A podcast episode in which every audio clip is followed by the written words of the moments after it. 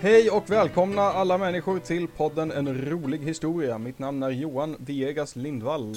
Mitt namn är Linus Holt Lorentzon. Hej Linus. Hej Johan. Välkomna tillbaka, så att säga, om ni har varit här innan, vilket jag hoppas. Ja, ett nytt ämne då för dagens eh, podcast. Den här gången så har vi valt att prata om skapelsemyter Yes! ja, i alla dess former. Vi har en förmåga att ta oss an väldigt stora ämnen Johan. Ja, men det har vi. Jag har verkligen inte tänkt på det innan vi började spela in, men hybrisen är verkligen total, för vi liksom, vi har pratat om toaletter, vi har Mm. pratat om kläder och tänkt att liksom sådana ämnen, ja men, nej men de är ändå väldigt stora, vad ska vi prata om då? Ja men hur världen skapades. Ja, precis. Eh, ursprunget till allt. Och sen så gör vi på ett sådant sätt att vi ger oss inte ens, vi ger oss inte ens några möjligheter att begränsa eller avgränsa det här eh, avsnittet heller, utan vi, vi, bara, vi bara tar allt. Alla skapelsemyter som någonsin funnits. Go! Så, vad har vi att säga om det här Linus?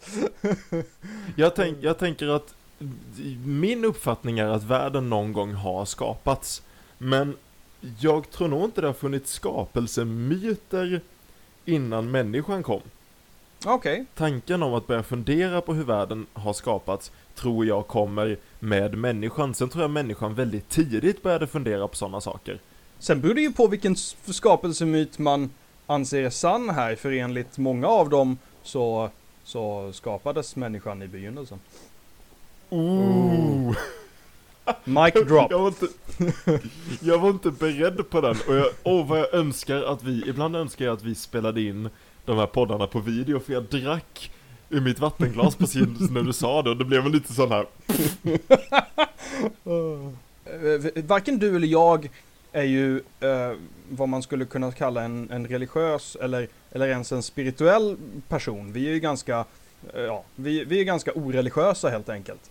Um, och därför har ju vi en, en, en tendens att se saker ur ett perspektiv som är präglat av, ja men, ja men de vetenskapliga undersökningarna som, som man känner till och så vidare. Men, men eh, enligt, enligt en person som kanske istället, och då får man ju också gå tillbaka i tiden och titta på människor som eh, i många fall trodde på de här myterna, anser så helt plötsligt är kanske saker och ting inte riktigt så som vi vill se dem. Och då kanske vi har en tendens att projicera vår egen världsbild så att säga. Enligt de flesta skapelsemyter så har ju människan funnits, om inte från början så väldigt, väldigt tidigt. Mm.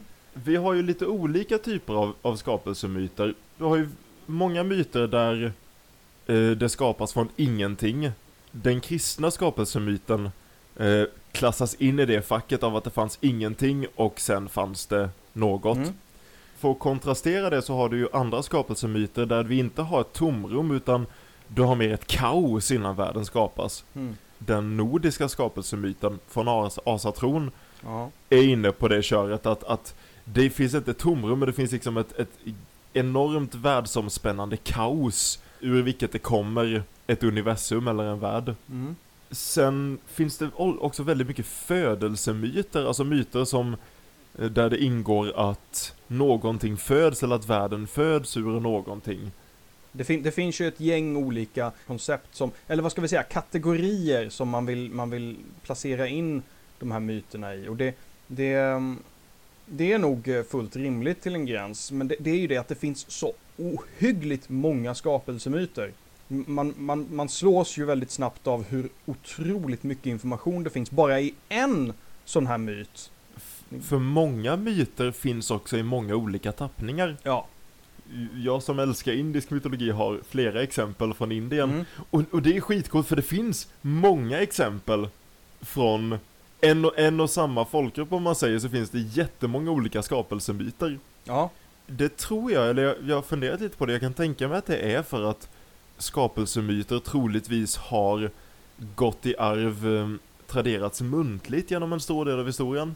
Att det är någonting Mm. du berättar från generation till generation och då ingår det liksom att det kommer små ändringar här och små justeringar där och Ja, ja. det föds olika tankar om hur saker och ting händer. Definitivt. Ja, det, det känns som att Indien på något vis definierar nästan denna, denna form av denna form av mångfald i, i, i religion så att säga. För det, det finns ju som att det kan vara nästan olika från familj till familj vad man, vad, vad man tycker och tänker om vissa koncept och så vidare. Så det, det ja. Men ska vi, ska vi kasta oss in i en skapelsemyt? För, för nu Ja, kommer vi in och pratar om Indien och då, då kan vi prata Mm. lite om Indien. Det finns en ganska så kanoniserad um, skapelsetrio kan man säga. Med Mm. en skapargud som heter Brahma och en gud som uppehåller världen som heter Vishnu och en gud som kommer förstöra världen någon gång i framtiden. Mm. Och det är den jag, man lär ut på typ högstadiet, det var den jag fick lära mig i skolan. Mm.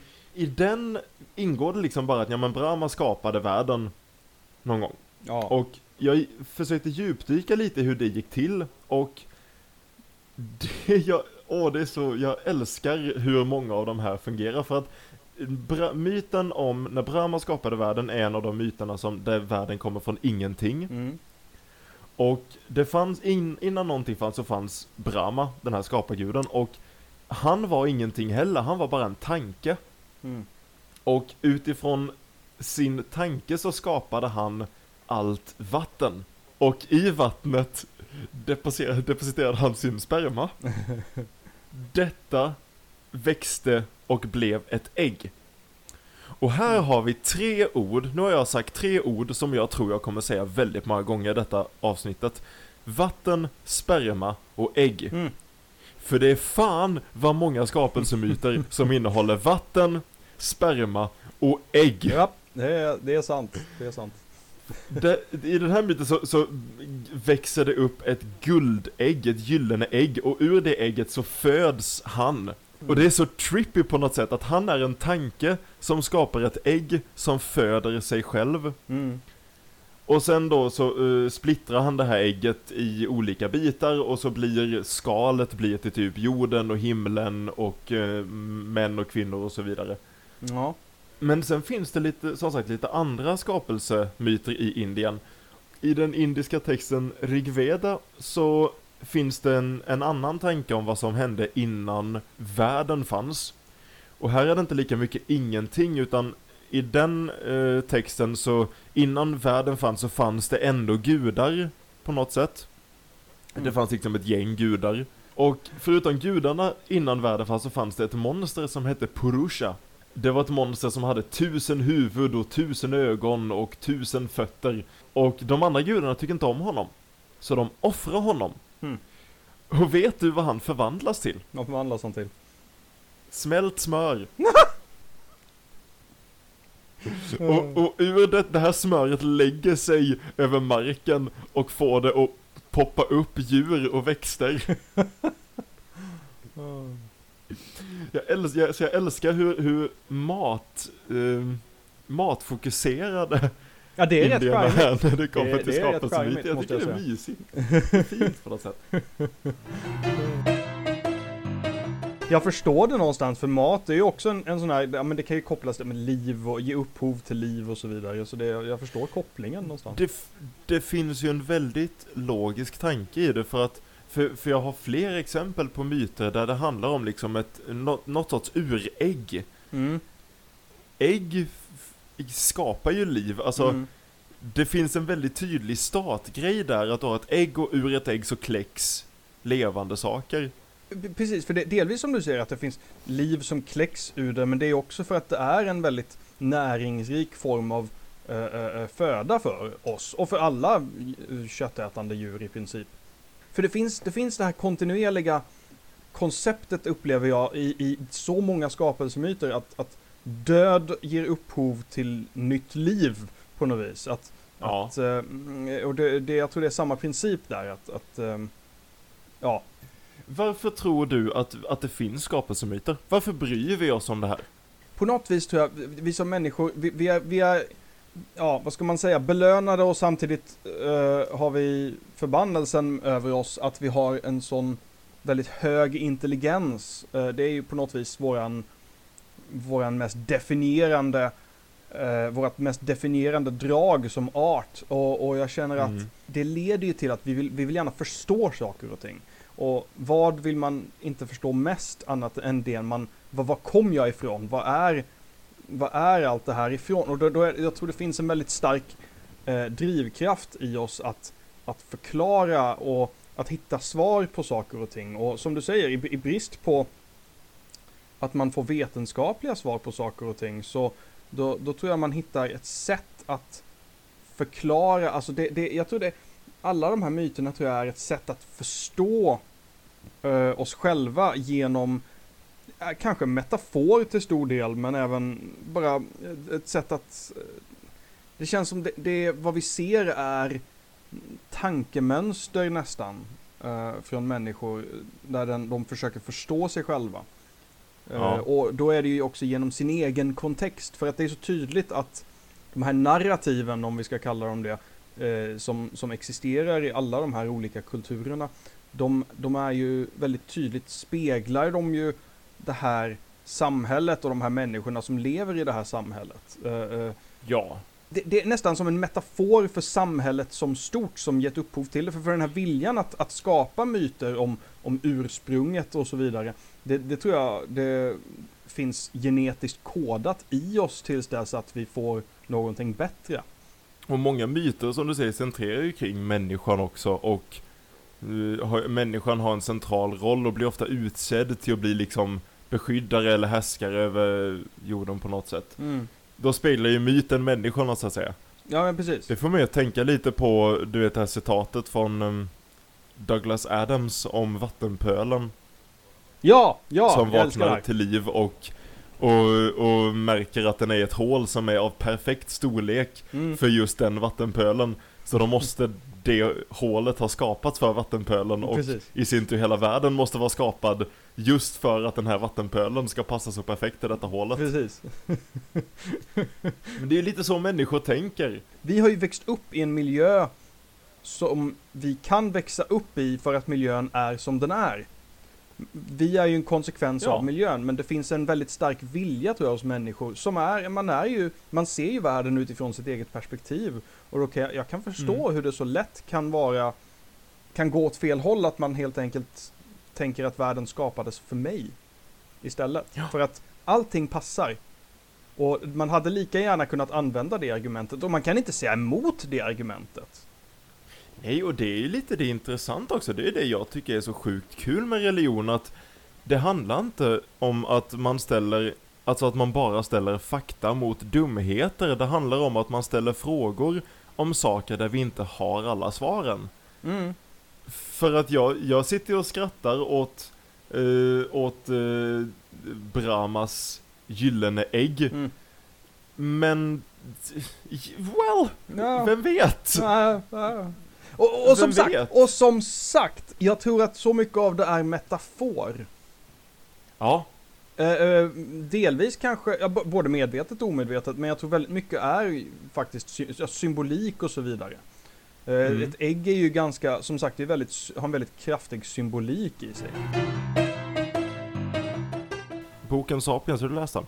Ja, jag tror inte jag har det jag vill säga att den är jättebra, jag har inte läst klart den än, men jag har mm. läst en typ en tredjedel.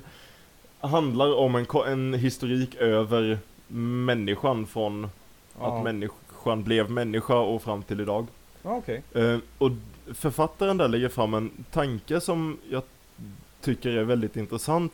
Att människor har skapelsemyter och att människor börjar tro på religioner och tro på gudar ur en antropologisk synpunkt det är det som gör att människor blir överlägsna andra djur. Okej. Okay.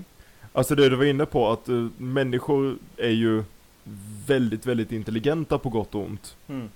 Hans teori är typ att i och med att vi inte bara har förmågan att tro på det vi ser, utan har förmågan att tro på något vi inte kan se. Mm så har vi också förmåga att föreställa oss saker och fantisera om typ att skapa bättre världar och fantisera om att skapa bättre verktyg och så vidare. Mm. Vilket ger oss en fördel i evolutionen. Ja. Att det finns en evolutionär fördel i att vi kan fantisera om hur världen skapades. Ja, ja, ja men det, jag, jag, kan, jag kan köpa det konceptet. Det, det, det, jag tror att det finns eh, ganska många fördelar med det faktiskt. Då är ju den oundvikliga följdfrågan där kommer ju att bli Ehm, om vi då gör oss av med det behovet någonstans eller i det, säg att vi förklarar allting, kommer vi bli av med någon slags kapacitet att eh, utveckla saker och ting då? Det är intressant. Faktiskt. Vad händer om vi, om vi vet allting? Dör vår fantasi då? Mm, precis. Eller projicerar vi kanske eh, snarare istället det behovet på någonting annat, eller den fantasin rättare sagt, på någonting annat istället? Om man tittar på typ filmer och, och dataspel och tv-spel idag och jämför med kanske inte lika mycket filmer men i alla fall dataspel och tv-spel när du och jag var barn. Mm. Så i och med att allting var mycket sämre på ett, så, ett sätt så var man tvungen att skapa mer i sig själv. Precis, precis. Alltså grafiken var jättedålig och egentligen var spelen ganska tråkiga så då fick man hitta på saker runt spelen för att göra dem roliga. Och det kanske man kan föra vidare till att ju mindre vi vet om världen desto större möjlighet har vi att liksom ja, men skapa egna bilder och fantisera och hitta på. Ja men låt oss ha en hypotes här att ja, men vi vet allting som vi kan veta. Bara rent hypotetiskt. Mm. Vad, vad har vi då att någonstans måste vi projicera vår fantasi eller kommer vi bara ja, dö ut som någon slags Jag vet inte. Nej, men jag vill inte tro det. Jag tror vi kommer, jag tror alltid fantasi kommer finnas. Alltså, Mm. det, ta ett annat exempel, ta månlandningen. Ja, Det, det finns, det finns eh, jättemånga frågor om månlandningen. Alla har besvarats jättetydligt. Det finns inget resonabelt, ingen resonabel tvekan över huruvida människan har landat på månen eller inte. mm. Men det hindrar ju knappast människor från att vara övertygade om att människan aldrig har landat på månen. det, är det är sant för det är, det är ju så konspirationsteorier föds. Precis. Eh, Det kommer vi nog aldrig riktigt bli av med, det har du nog rätt i. Jag tror att fantasi, jag gillar tanken att fantasi inte bara är en lek, utan att det kan vara en fördel för vår art. Mm. Ja, jo men faktiskt, faktiskt. Och det finns väl en anledning kanske varför vi, vi finner sådant nöje i att få berättelser eh, eller sagor och så vidare berättade för oss. Eh, Mm. eh, det, är ju, det är ju ett väldigt, väldigt tydligt nöje. Det finns ju en anledning varför filmindustrin är så pass stor som den är och, och allt möjligt. Och böcker och, och allt vad det heter.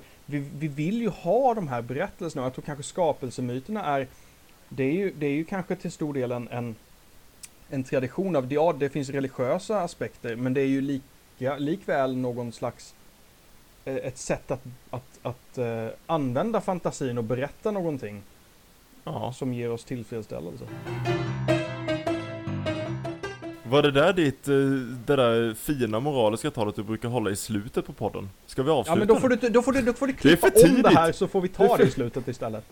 Du, jag lägger in det i slutet. Ja, ja, bra, bra. Och då kan jag gå vidare och, och så, Samtidigt som, som eftertexterna och, och uh, outromusiken går. Ja men precis, precis. Så, ja men fan, det, det kommer gå till en sån punkt när det blir en karikatyr, jag blir en karikatyr av mig själv och så kan vi bara säga Johan säger något filosofiskt. Det kan vara din del. Ja, vara- Johan, av, Linus Johan förklarar och Johan säger något filosofiskt. Det är det vi gör i den här podden, det är det vi gör. I praktiken. Vi får döpa om den, om vi någonsin måste döpa om podden så får det bli Linus förklarar och Johan filosoferar. Ja men då vänder vi, då vänder vi det här lite upp och ner då, så kan jag komma med lite förklaring istället. Jag tänker vi kan slänga in lite fler skapelsemyter. De- Den jag har tittat på eh, mest eh, detaljerat, det är den som kommer från min kära hustrus hemland, nämligen aztekernas skapelsemyt.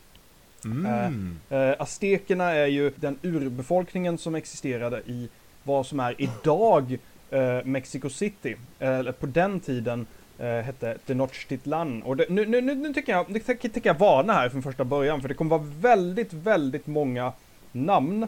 Och de kommer vara väldigt, väldigt komplicerade. Och jag har gett mig fan på att jag ska, jag ska uttala de här namnen rätt. Så jag har, Mm. så jag har, jag har pluggat uttal på de här namnen, så ja.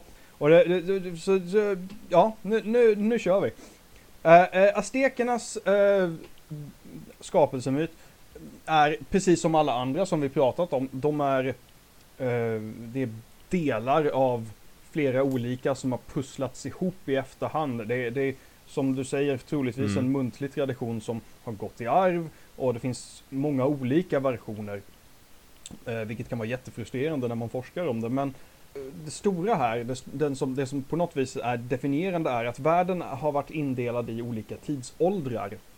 De här definieras av den sol som existerar där och då. Det är väldigt, väldigt viktigt med solen som en slags uh, uh, livgivare, om vi säger så. Okay. Kan man, kan man ja. säga så?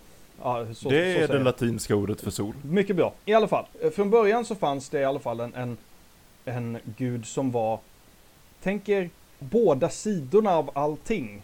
Gott och ont, kaos och ordning, eh, manlig och kvinnlig. Och eh, på, grund av den här, på grund av att den är manlig och kvinnlig så finns det två olika namn på den.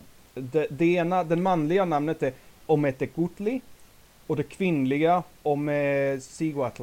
Good job. De här två, eller en, eller vad man ska kalla, skapar... Eh, den får barn med sig själv, helt enkelt. den gör sig själv eh, på något vis gravid och får barn med sig själv. Eh, eh, och, och, och, därifrån kommer då de, de, de olika, de, de, fyra stycken olika avkommor som på något vis ger upphov till resten av, av den här berättelsen. Eh, vi har eh, Huitzilopochtli eh, som representerar söder tydligen. Eh, Quetzalcoatl som är eh, öster. Eh, Tezcatlipoca som är väster och Zipetotec som är norr. Jag undrar hur gudomliga varelser tänker när de bestämmer sig för att göra barn med sig själva. Det är också någonting jag funderar på. Var det planerat eller var det en, var det en liksom, var det en Eller hur? Något som bara hände. De här fyra gudarna då. Eh, någonstans har jag hört, eh, läst, läst någonting om, om ett sjömonster som, som heter Tsipakli. Som eh, gudarna skapar men sen eh, inte tycker om för att ja, allting, den äter allt. Så de, de, eh, de, de mördar den och eh, så blir världen på något vis skapas av det här sjömonstret. Väldigt ofta är det, ju, är det ju så upplever jag att någonting måste offras för att skapa något annat. Ja, men det, alltså det kommer vi in på det du pratade om innan, att död skapar liv. Mm. Någonting offras, någonting dör och så föds världen ur det. Precis, och det är lite samma princip här. Och det, det är även, för, för nu kommer vi in på det här just med, med solarna, för de, vad de gör är att de offrar sig själva för att skapa en sol. Så de blir på något vis solen. Ah. Och det, det, är de här fem åldrarna då om man ska säga. Så den första, eller fem, man ska kalla det försök mer eller mindre. För det är alltid någonting som går fel. Och den första solen eh, är Tezcatlipoca, alltså väst. Han ka kastar sig själv i någon form av eld och så blir han till en sol. Men blir bara en halv sol. Och så är det lite jättar och de äter kastanjer. Och Poängen är, poängen är. um. det, där, det, där är så jävla, den meningen, det är alla skapelsemyter ihop. Så det, det är en man som kastar sig in i en eld, han blir en halv sol, det är några jättar och de äter kastanjer. Där har du varenda skapelsemyt någonsin i ett ja, nötskal. Ja. Faktiskt, det är inte långt För det finns ingen förklaring, det bara nej, händer. Nej, det bara händer och det är jätteviktigt att de äter, jag förstår inte, hur som helst. Eh, den andra åldern, då är det eh, Quetzalcoatl. Som för övrigt ser ut som en, en befjädrad eh, orm. Den här gången så blir han sol och han skapar människor faktiskt. Här skapas människor för första gången. Och de lever på pinjenötter för övrigt. of course! Såklart för, att, för att, varför inte? Men de, de blir korrupta på något vis. Och uh, uh, Tezcatlipoca, den förra solen, han förvandlar dem till apor. Och det här är kul för att Quetzalcoatl verkar hata apor. För att han, han, han skickar en, han blir jätteförbannad och han skickar en, en orkan som blåser bort dem. Uh, men, men men, men alla dör inte och de aporna som är kvar är aporna som vi har idag. Och det kan du märka, ett kul sätt som du kan testa den här myten på är nästa gång du är i en djurpark, ta med dig en påse pinjenötter och liksom bara håll den utanför apuren, alltså de blir galna. det ligger så djupt Ja. i Ja. de här aporna, alltså pinjenötter. Det är, det är lite elakt egentligen, men ah, ja. Det är vad man kallar the shit. Ehm, och ja. Nej, så det är kul, liten konstig detalj där. Quetzalcoatl hatar apor. Värt att eh, notera. Om man är apa. Hur som helst. Eh, tredje åldern då. Eh, så, eh, så är det en, en herre som heter Tlaloc. Som blir vald som gud. Han blir förbannad för Tezcatlipoca som verkar vara ganska stor skuld till mycket av det här. Han är lite Loke i den här eh, mytologin. Ja okej, Eh, den lurige jäveln. Skäl... Ja men den är lurig som fan och, och lite bitsk sådär. Hur som helst. Eh, Tezcatlipoca stjäl Tlalocs fru. Tlaloc blir väldigt ledsen. Så han, han skiner väldigt starkt som sol. Det blir torka och, och folk blir, mår jättedåligt. Och sen till slut så, så, så, blir det, så bränner han bort allting. För han är så arg. Så, så nästa gång då, fjärde åldern, då är det Tlalocs systers tur att försöka. Kalchitlikwe. Hon är någon form av vattengud tror jag, för sen blir det någon form av flod och, och vatten. Jorden blir liksom floder överallt och det är mycket naturkatastrofer här. Du är säker på att det inte är Al Gore som har eh, redigerat denna skapelsemyten? Han vill, han vill, Det där var ett, det där var ett så sofistikerat skämt att jag önskar att jag hade en slips på mig så jag kunde rätta till den. Åh gud. Men ly lyckas det sen? Alltså jag vet att det är en spoiler, jag vet att det finns en sol, jag håller på att smälta i den just Ja, nu, men vem lyckas faktiskt, sen? faktiskt. För, för den här gången så, den fjärde, hon blir nedslagen av, och sen så blir det flod. Quetzalcoatl och, och, och, och Tezcatlipoca. De, de, de hatar typ varandra och de, de krig, krig, krig, blä, blä, blä. Eh, femte solen, vilket är nu, är när Tecosistecatl ska offra sig själv, men han vågar inte. Och då är det istället eh, Nanahuatzin som, som hoppar in. Och då när han gjort det, för Tekatl har misslyckats så många gånger, så hoppar han in efter ändå. I ren frustration. Uh, och um, då, då blir det som två solar. Vad, vad som händer då är att de kastar, det här, det här finns många olika versioner av för övrigt. Men de kastar en kanin in i elden. Och sen så blir, eh, blir Tezcosistecatl till månen istället. Och, och den andra då, Nana Watsin, äh, blir till eh, det, det som i, det är solen idag, vilket är äh, eh, Donatui. Här då är eh, intressant för han, han skiner inte så mycket. Och därför måste gudarna offra sitt blod till honom. För att han ska få energi att skina på. Och det är det, det här som offerkulturen kommer in i det hela. Det, jag tror det är det till stor del som präglar deras kultur. Och varför det präglar deras kultur, det är den här solen som måste på något vis fortgå och, och få sin, sin energi så att säga. Det, det är lite så jag har tolkat det i alla fall. Det är, det är jäkla mycket olika källor. Det här har tagit jättelång tid att förklara nu, längre än vad jag hade tänkt mig. Men, men det är just för att det är så mycket små detaljer som spelar roll och av jag vet inte vad det har för betydelse alla gånger. Men det som jag tycker är intressant, det- är just det här. Man ser så tydligt hur samhället använder en, en, en slags skapelsemyt för att nästan rättfärdiga sitt beteende. För de var ju ganska em, imperialistiska, aztekerna. De, de, de tog över folk och de tog fångar och sen offrade de dem. Och, och man märker, man ser ganska tydlig koppling här till hur det på något vis har sin, sitt ursprung eller eventuellt rättfärdigas åtminstone i, i sin, sin mytologi på något vis. Varje folkgrupps skapelsemyt är ju väldigt skräddarsydd till den folkgruppens kultur och seder och normer. Mm.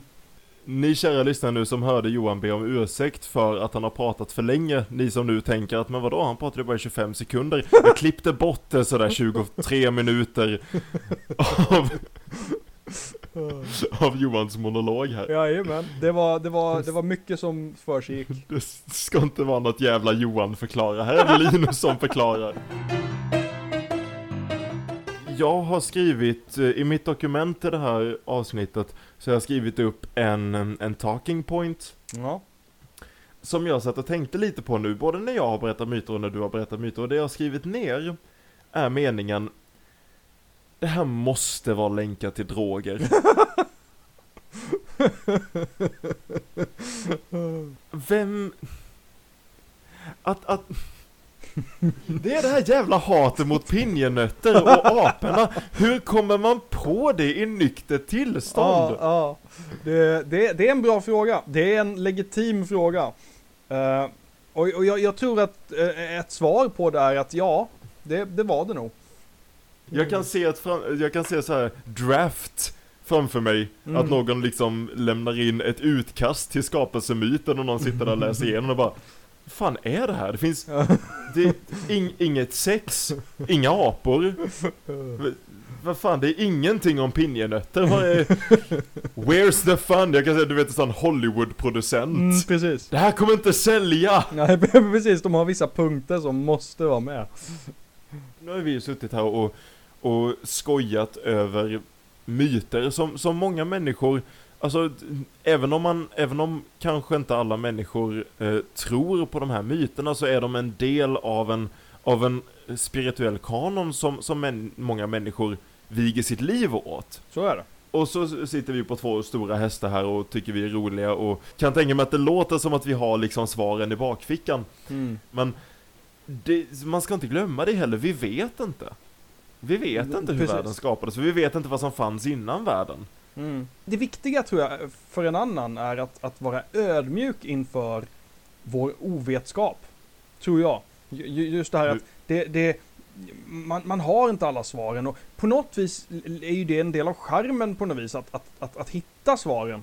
Men ja, i, i många fall så är ju faktiskt kanske eh, de tankarna som finns inte så jäkla långt ifrån Eh, vad vissa skapelsemyter själva säger.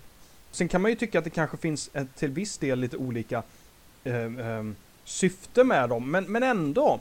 Någonstans så handlar det nog till stor del om att förstå. Man ska förstå vad det är vi kommer ifrån.